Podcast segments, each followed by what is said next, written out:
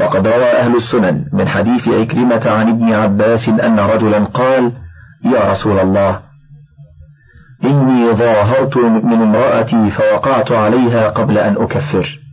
فقال ما حملك على ذلك يرحمك الله؟ قال رأيت خلخالها في ضوء القمر. قال فلا تقربها حتى تفعل ما أمرك الله عز وجل. وقال الترمذي حسن غريب صحيح. ورواه أبو داود والنسائي من حديث عكرمة مرسلا. قال النسائي وهو أولى بالصواب. وقوله تعالى فتحرير رقبة أي فإعتاق رقبة كاملة من قبل أن يتماسا فهنا الرقبة مطلقة غير مقيدة بالإيمان. وفي كفارة القتل مقيدة بالإيمان. فحمل الشافعي رحمه الله ما أطلق ها هنا على ما قيد هناك لاتحاد الموجب وهو عتق الرقبة. واعتضد في ذلك بما رواه عن مالك بسنده عن معاوية بن الحكم السلمي في قصة الجارية السوداء وأن رسول الله صلى الله عليه وسلم قال اعتقها فإنها مؤمنة. وقد رواه أحمد في مسنده ومسلم في صحيحه. وقال الحافظ أبو بكر البزار حدثنا يوسف بن موسى حدثنا عبد الله بن نمير عن إسماعيل بن مسلم بن يسار عن عمرو بن دينار عن طاوس عن ابن عباس قال أتى رسول الله صلى الله عليه وسلم رجل فقال إني ظاهرت من امرأتي ثم وقعت عليها قبل أن أكفر. فقال رسول الله صلى الله عليه وسلم ألم يقل الله تعالى من قبل أن يتماسا؟ قال أعجبتني. قال أمسك حتى تكفر. ثم قال البزار لا يروى عن ابن عباس بأحسن من هذا. وإسماعيل بن مسلم تكلم فيه. وروى عنه جماعة كثيرة من أهل العلم وفيه من الفقه أنه لم يأمره إلا بكفارة واحدة. وقوله تعالى ذلكم توعظون به أي تزجرون به. والله بما تعملون خبير أي خبير بما يصلحكم عليم بأحوالكم. وقوله تعالى فمن لم يجد فصيام شهرين متتابعين من قبل من قبل أن يتماسا.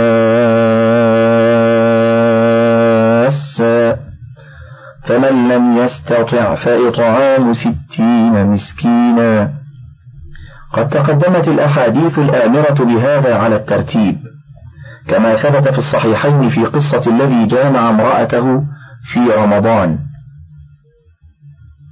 ذلك لتؤمنوا بالله ورسوله.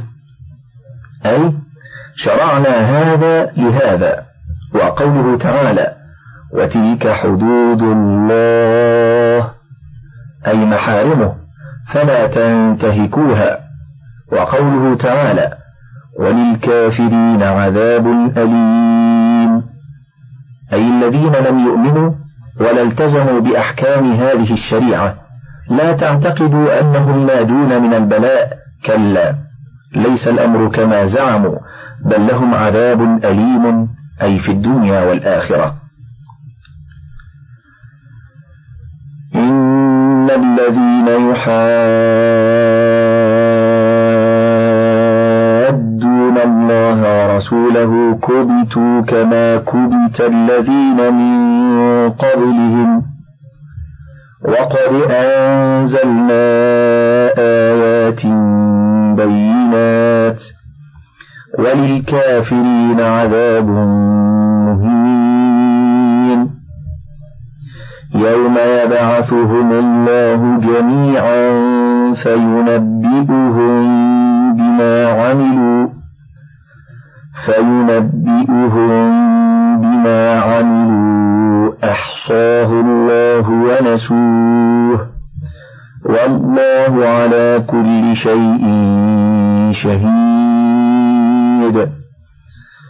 ألم تر أن الله يعلم ما في السماوات وما في الأرض ما يكون من نجوى ثلاثة إلا هو رابعهم ولا خمسة ولا خمسة إلا هو سادسهم ولا أدنى من ذلك ولا أكثر إلا إلا هو معهم أينما كانوا ثم ينبئهم ثم ينبئهم بما عملوا إن الله بكل شيء عليم. يخبر تعالى عمن شاق الله ورسوله وعاندوا شرعه. كبتوا كما كبت الذين من قبلهم أي أهينوا ولعنوا وأخزوا كما فعل بمن أشبههم ممن قبلهم. وقد أنزلنا آيات بينات أي واضحات لا يعاندها ولا يخالفها إلا كافر فاجر مكابر.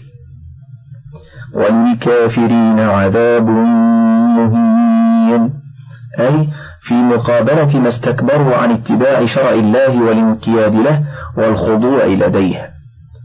ثم قال تعالى يوم يبعثهم الله جميعا وذلك يوم القيامة يجمع الله الأولين والآخرين في صعيد واحد. فينبئهم بما عملوا أي فيخبرهم بالذي صنعوا من خير وشر.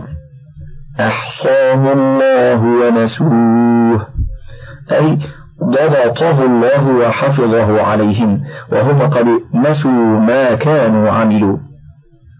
والله على كل شيء شهيد. أي لا يغيب عنه شيء ولا يخفى ولا ينسى شيئا. ثم قال تعالى مخبرا عن إحاطة علمه بخلقه واطلاعه عليهم وسماعه كلامهم ورؤيته مكانهم.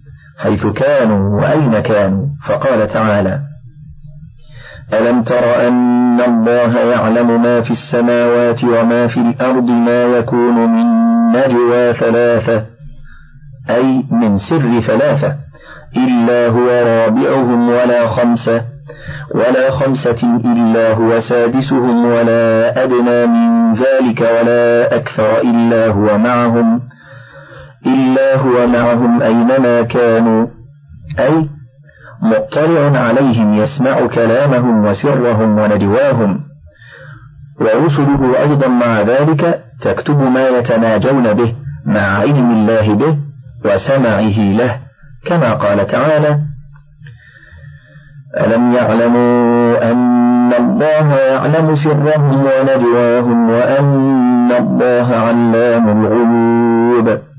وقال تعالى أم يحسبون أنا لا نسمع سرهم ونجواهم بلى ورسلنا لديهم يكتبون ولهذا حكى غير واحد الإجماع على أن المراد بهذه الآية معية علمه تعالى ولا شك في إرادة ذلك ولكن سمعه أيضا مع علمه محيط بهم وبصره نافذ فيهم فهو سبحانه وتعالى مطلع على خلقه لا يغيب عنه من أمورهم شيء. ثم قال تعالى ثم ينبئهم بما عملوا يوم القيامة إن الله بكل شيء عليم. قال الإمام أحمد افتتح الآية بالعلم واختتمها بالعلم. ألم تر إلى الذين نهوا عن النجوى ثم يعودون لما نهوا عنه ويتناجون بالإثم والعدوان ومعصية الرسول.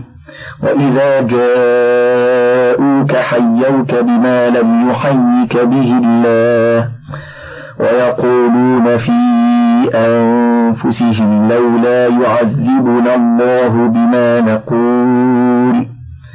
حسبهم جهنم يصلونها فبئس المصير. يا أيها الذين آمنوا إذا تناجيتم إذا تناجيتم فلا تتناجوا بالإثم والعدوان ومعصية الرسول وتناجوا بالبر والتقوى. وتناجوا بالبر والتقوى واتقوا الله الذي إليه تحشرون. إنما النجوى من الشيطان ليحزن الذين آمنوا ليحزن الذين آمنوا وليس بضارهم شيئا. إلا بإذن الله وعلى الله فليتوكل المؤمنون. قال ابن أبي نجيح عن مجاهد ألم تر إلى الذين نهوا عن النجوى ثم يعودون لما نهوا عنه؟ قال اليهود. وكذا قال مقاتل بن حيان وزاد كان بين النبي صلى الله عليه وسلم وبين اليهود موادعة وكانوا إذا مر بهم الرجل من أصحاب النبي صلى الله عليه وسلم جلسوا يتناجون بينهم حتى يظن المؤمن أنهم يتناجون بقتله أو بما يكره. فإذا رأى المؤمن ذلك خشيهم فترك طريقه عليهم. فنهاهم النبي صلى الله عليه وسلم عن النجوى فلم ينتهوا وعادوا إلى النجوى. فأنزل الله تعالى ألم تر إلى الذين نهوا عن النجوى ثم يعودون لما نهوا عنه؟ وقال ابن أبي حاتم حدثنا أبي حدثنا إبراهيم بن المنذر الحزامي حدثنا سفيان بن حمزة عن كثير عن زيد عن ربيح بن عبد الرحمن ابن أبي سعيد الخدري عن أبيه عن جده قال كنا نتناوب رسول الله صلى الله عليه وسلم. نبيت عنده. يطرقه من الليل أمر وتبدو له حاجة. فلما كان ذات ليلة كثر أهل النوب والمحتسبون حتى كنا أندية نتحدث. فخرج علينا رسول الله صلى الله عليه وسلم فقال ما هذه النجوى؟ ألم تنهوا عن النجوى؟ قلنا تبنا إلى الله يا رسول الله إنا كنا في ذكر المسيح فرقا منه. فقال ألا أخبركم بما هو أخوف؟ عليكم عندي منه؟ قلنا بلى يا رسول الله. قال الشرك الخفي. أن يقوم الرجل يعمل لمكان رجل. هذا إسناد غريب وفيه بعض الضعفاء. وقوله تعالى ويتناجون بالإثم والعدوان ومعصية الرسول أي يتحدثون فيما بينهم بالإثم وهو ما يختص بهم والعدوان وهو ما يتعلق بغيرهم ومنه معصية الرسول ومخالفته. يصرون عليها ويتواصون بها. وقوله تعالى وإذا جاءوك حيوك بما لم يحيك به الله قال ابن أبي حاتم حدثنا أبو سعيد الأشج حدثنا ابن نمير عن الأعمش عن مسروق عن عائشة قالت دخل على رسول الله صلى الله عليه وسلم يهود فقالوا السلام عليك يا أبا القاسم. فقالت عائشة وعليكم السام قالت فقال رسول الله صلى الله عليه وسلم يا عائشة إن الله لا يحب الفحش ولا التفحش. قلت ألا تسمعهم يقولون السلام عليك؟ فقال رسول الله صلى الله عليه وسلم أوما سمعت أقول وعليكم؟ فأنزل الله تعالى وإذا جاءوك حيوك بما لم يحيك به الله.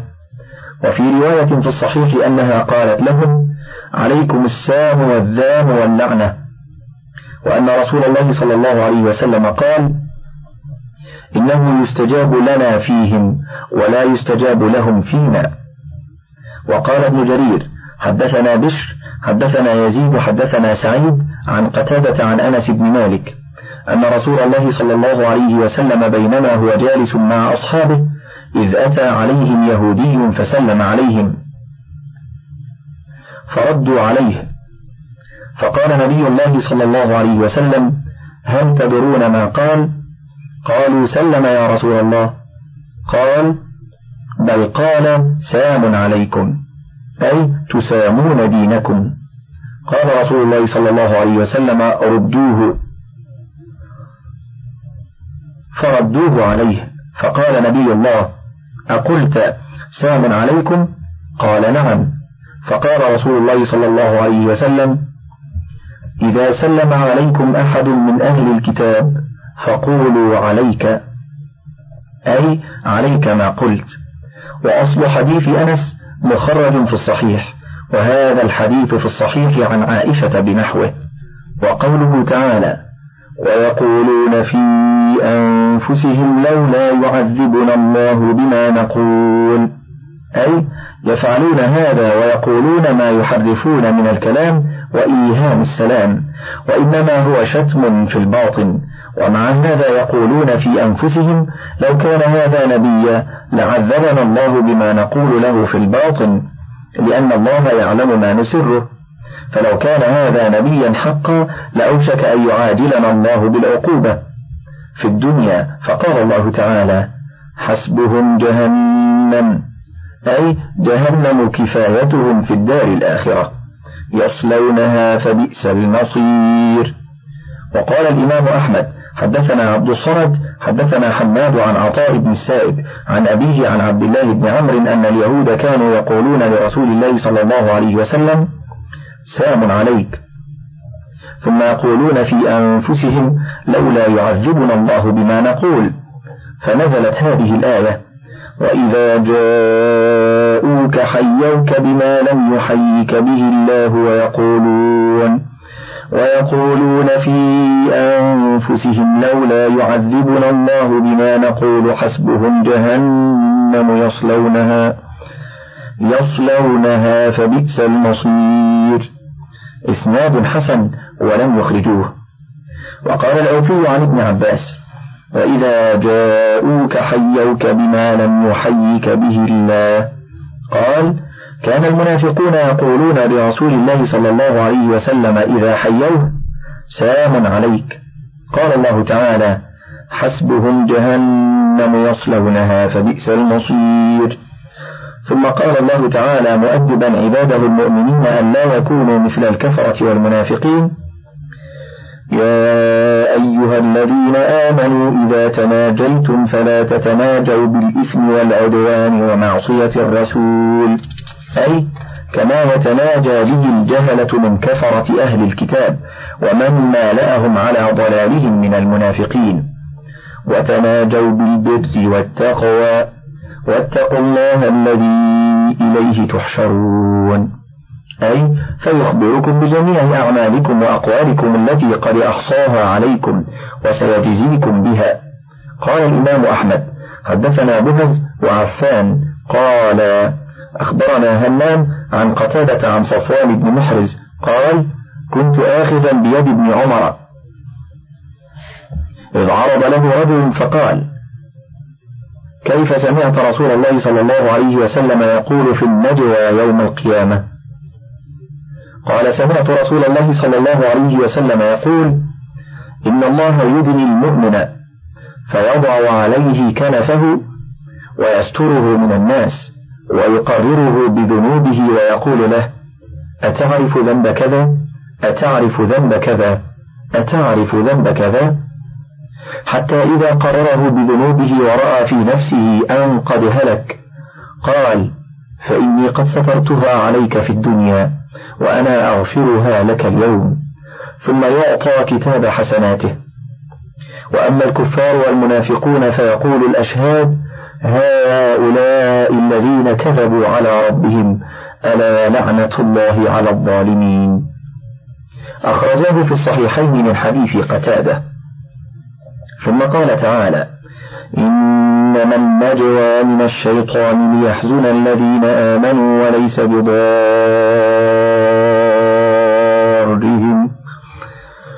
وليس بضارهم. شيئا إلا بإذن الله وعلى الله فليتوكل المؤمنون. أي إنما النجوى وهي المسارة حيث يتوهم مؤمن بها سوءا.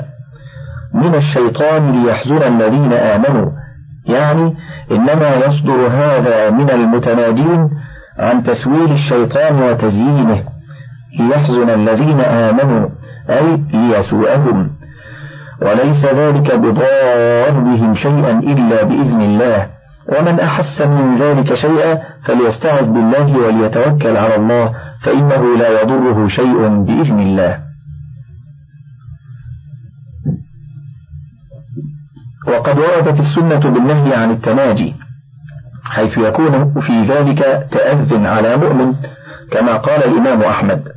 حدثنا وكيع وأبو معاوية قال حدثنا الأعمش عن أبي وائل عن عبد الله بن مسعود قال قال رسول الله صلى الله عليه وسلم إذا كنتم ثلاثة فلا يتناجى اثنان دون صاحبهما فإن ذلك يحزنه. أخرجاه من حديث الأعمش وقال عبد الرزاق أخبرنا معمر عن أيوب عن نافع عن ابن عمر قال قال رسول الله صلى الله عليه وسلم إذا كنتم ثلاثة فلا يتناجى اثنان دون الثالث إلا بإذنه فإن ذلك يحزنه. انفرد بإخراجه مسلم عن أبي الربيع وأبي كامل كلاهما عن حماد بن زيد عن أيوب به. يا أيها الذين آمنوا إذا قيل لكم تفسحوا في المجالس فافسحوا. فافسحوا يفسح الله لكم وإذا قيل انشزوا فانشزوا. يرفع الله الذين آمنوا منكم والذين أوتوا العلم درجات. يرفع الله الذين آمنوا منكم والذين أوتوا العلم درجات. والله بما تعملون خبير. يقول تعالى مؤدبا عباده المؤمنين وآمرا لهم أن يحسن بعضهم إلى بعض في المجالس. يا أيها الذين آمنوا إذا قيل لكم تفسحوا في المجالس وقرئ في المجلس فافسحوا يفسح الله لكم. وذلك أن الجزاء من جنس العمل كما جاء في الحديث الصحيح من بنى لله مسجدا بنى الله له بيتا في الجنة وفي الحديث الآخر ومن يسر على معسر يسر الله عليه في الدنيا والآخرة والله في عون العبد ما كان العبد في عون أخيه. ولهذا أشباه كثيرة ولهذا قال تعالى فافسحوا يفسح الله لكم. قال قتادة نزلت هذه الآية في مجالس الذكر وذلك أنهم كانوا إذا رأوا أحدهم مقبلا ظنوا بمجالسهم عند رسول الله صلى الله عليه وسلم فأمرهم الله تعالى أن يفسح بعضهم لبعض. وقال مقاتل بن حيان أنزلت هذه الآية يوم الجمعة. وكان رسول الله صلى الله عليه وسلم يومئذ في الصفة. وفي المكان ضيق وكان يكرم أهل بدر من المهاجرين والأنصار. فجاء ناس من أهل بدر وقد سبقوا إلى المجالس. فقاموا حيال رسول الله صلى الله عليه وسلم فقالوا السلام عليك أيها النبي ورحمة الله وبركاته. فرد النبي صلى الله عليه وسلم عليهم. ثم سلموا على القوم بعد ذلك فردوا عليهم. فقاموا على أرجلهم ينتظرون أن يوسع لهم. فعرف النبي صلى الله عليه وسلم ما يحملهم على القيام فلم يفسح لهم. فشق ذلك على النبي صلى الله عليه وسلم. فقال لمن حوله من المهاجرين والأنصار من غير أهل بدر. قم يا فلان وأنت يا فلان. فلم يزل يقيمهم بعدة النفر الذين هم قيام بين يديه من المهاجرين والأنصار أهل بدر. فشق ذلك على من أقيم من مجلسه. وعرف النبي صلى الله عليه وسلم الكراهة في وجوههم. فقال المنافقون ألستم تزعمون أن صاحبكم هذا يعدل بين الناس؟ والله ما رأيناه قبل عدل على هؤلاء. إن, إن قوما أخذوا مجالسهم وأحبوا القرب من نبيهم فأقامهم وأجلس من أبطأ عنه. فبلغنا أن رسول الله صلى الله عليه وسلم قال أرحم الله رجل رجلا يفسح لأخيه. فجعلوا يقومون بعد ذلك سراعا فيفسح القوم لإخوانهم ونزلت هذه الآية يوم الجمعة. ورواه ابن أبي حاتم وقد قال الإمام أحمد والشافعي حدثنا سفيان عن أيوب عن نافع عن ابن عمر أن رسول الله صلى الله عليه وسلم قال لا يقيم الرجل الرجل من مجلسه. فيجلس فيه ولكن تفسحوا وتوسعوا. وأخرجاه في الصحيحين من حديث نافع به. وقال الشافعي أخبرنا عبد المجيد عن ابن جريج قال قال سليمان بن موسى عن جابر بن عبد الله أن رسول الله صلى الله عليه وسلم قال لا يقيمن أحدكم أخاه يوم الجمعة ولكن ليقل أفسحوا. على شرط السنن ولم يخرجوه. وقال الإمام أحمد حدثنا عبد الملك بن عمرو حدثنا فليح عن أيوب عن عبد الرحمن بن صعصعة عن يعقوب بن أبي يعقوب عن أبي هريرة عن النبي صلى الله عليه وسلم قال لا يقم الرجل الرجل من مجلسه ثم يجلس فيه ولكن افسحوا يفسح الله لكم. ورواه أيضا عن شريح بن يونس ويونس بن محمد المؤدب عن فليح به ولفظه لا يقوم الرجل للرجل من مجلسه ولكن افسحوا يفسح الله لكم. تفرد به أحمد. وقد اختلف الفقهاء في جواز القيام للوارد إذا جاء على أقوال. فمنهم من رخص في ذلك محتجا بحديث قوموا إلى سيدكم. ومنهم من منع ذلك ومنهم من منع من ذلك محتجا بحديث من أحب أن يتمثل له الرجال قياما فليتبوأ مقعده من النار. ومنهم من فصل. فقال يجوز عند القدوم من سفر وللحاكم في محل ولايته. كما دل عليه قصة سعد بن معاذ فإنه لما استقدمه النبي صلى الله عليه وسلم حاكما في بني قريظة فرآه مقبلا قال للمسلمين قوموا إلى سيدكم. وما ذاك إلا ليكون أنفذ لحكمه والله أعلم. فأما اتخاذه ديدنا فإنه من شعار العجم. وقد جاء في السنن أنه لم يكن شخص أحب إليهم من رسول الله صلى الله عليه وسلم وكان إذا جاء لا يقومون له لما يعلمون من كراهته لذلك. وفي الحديث المروي في السنن أن رسول الله صلى الله عليه وسلم كان يجلس حيث انتهى به المجلس ولكن حيث يجلس يكون صدر ذلك المجلس. فكان الصحابة رضي الله عنه يجلسون منه على مراتبهم.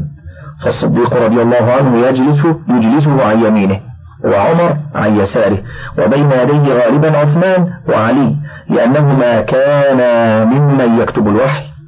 وكان يأمرهما بذلك كما رواه مسلم من حديث الأعمش عن عمارة بن عمير عن أبي معمر عن أبي مسعود أن رسول الله صلى الله عليه وسلم كان يقول ليلني منكم أولو الأرحام والنهى.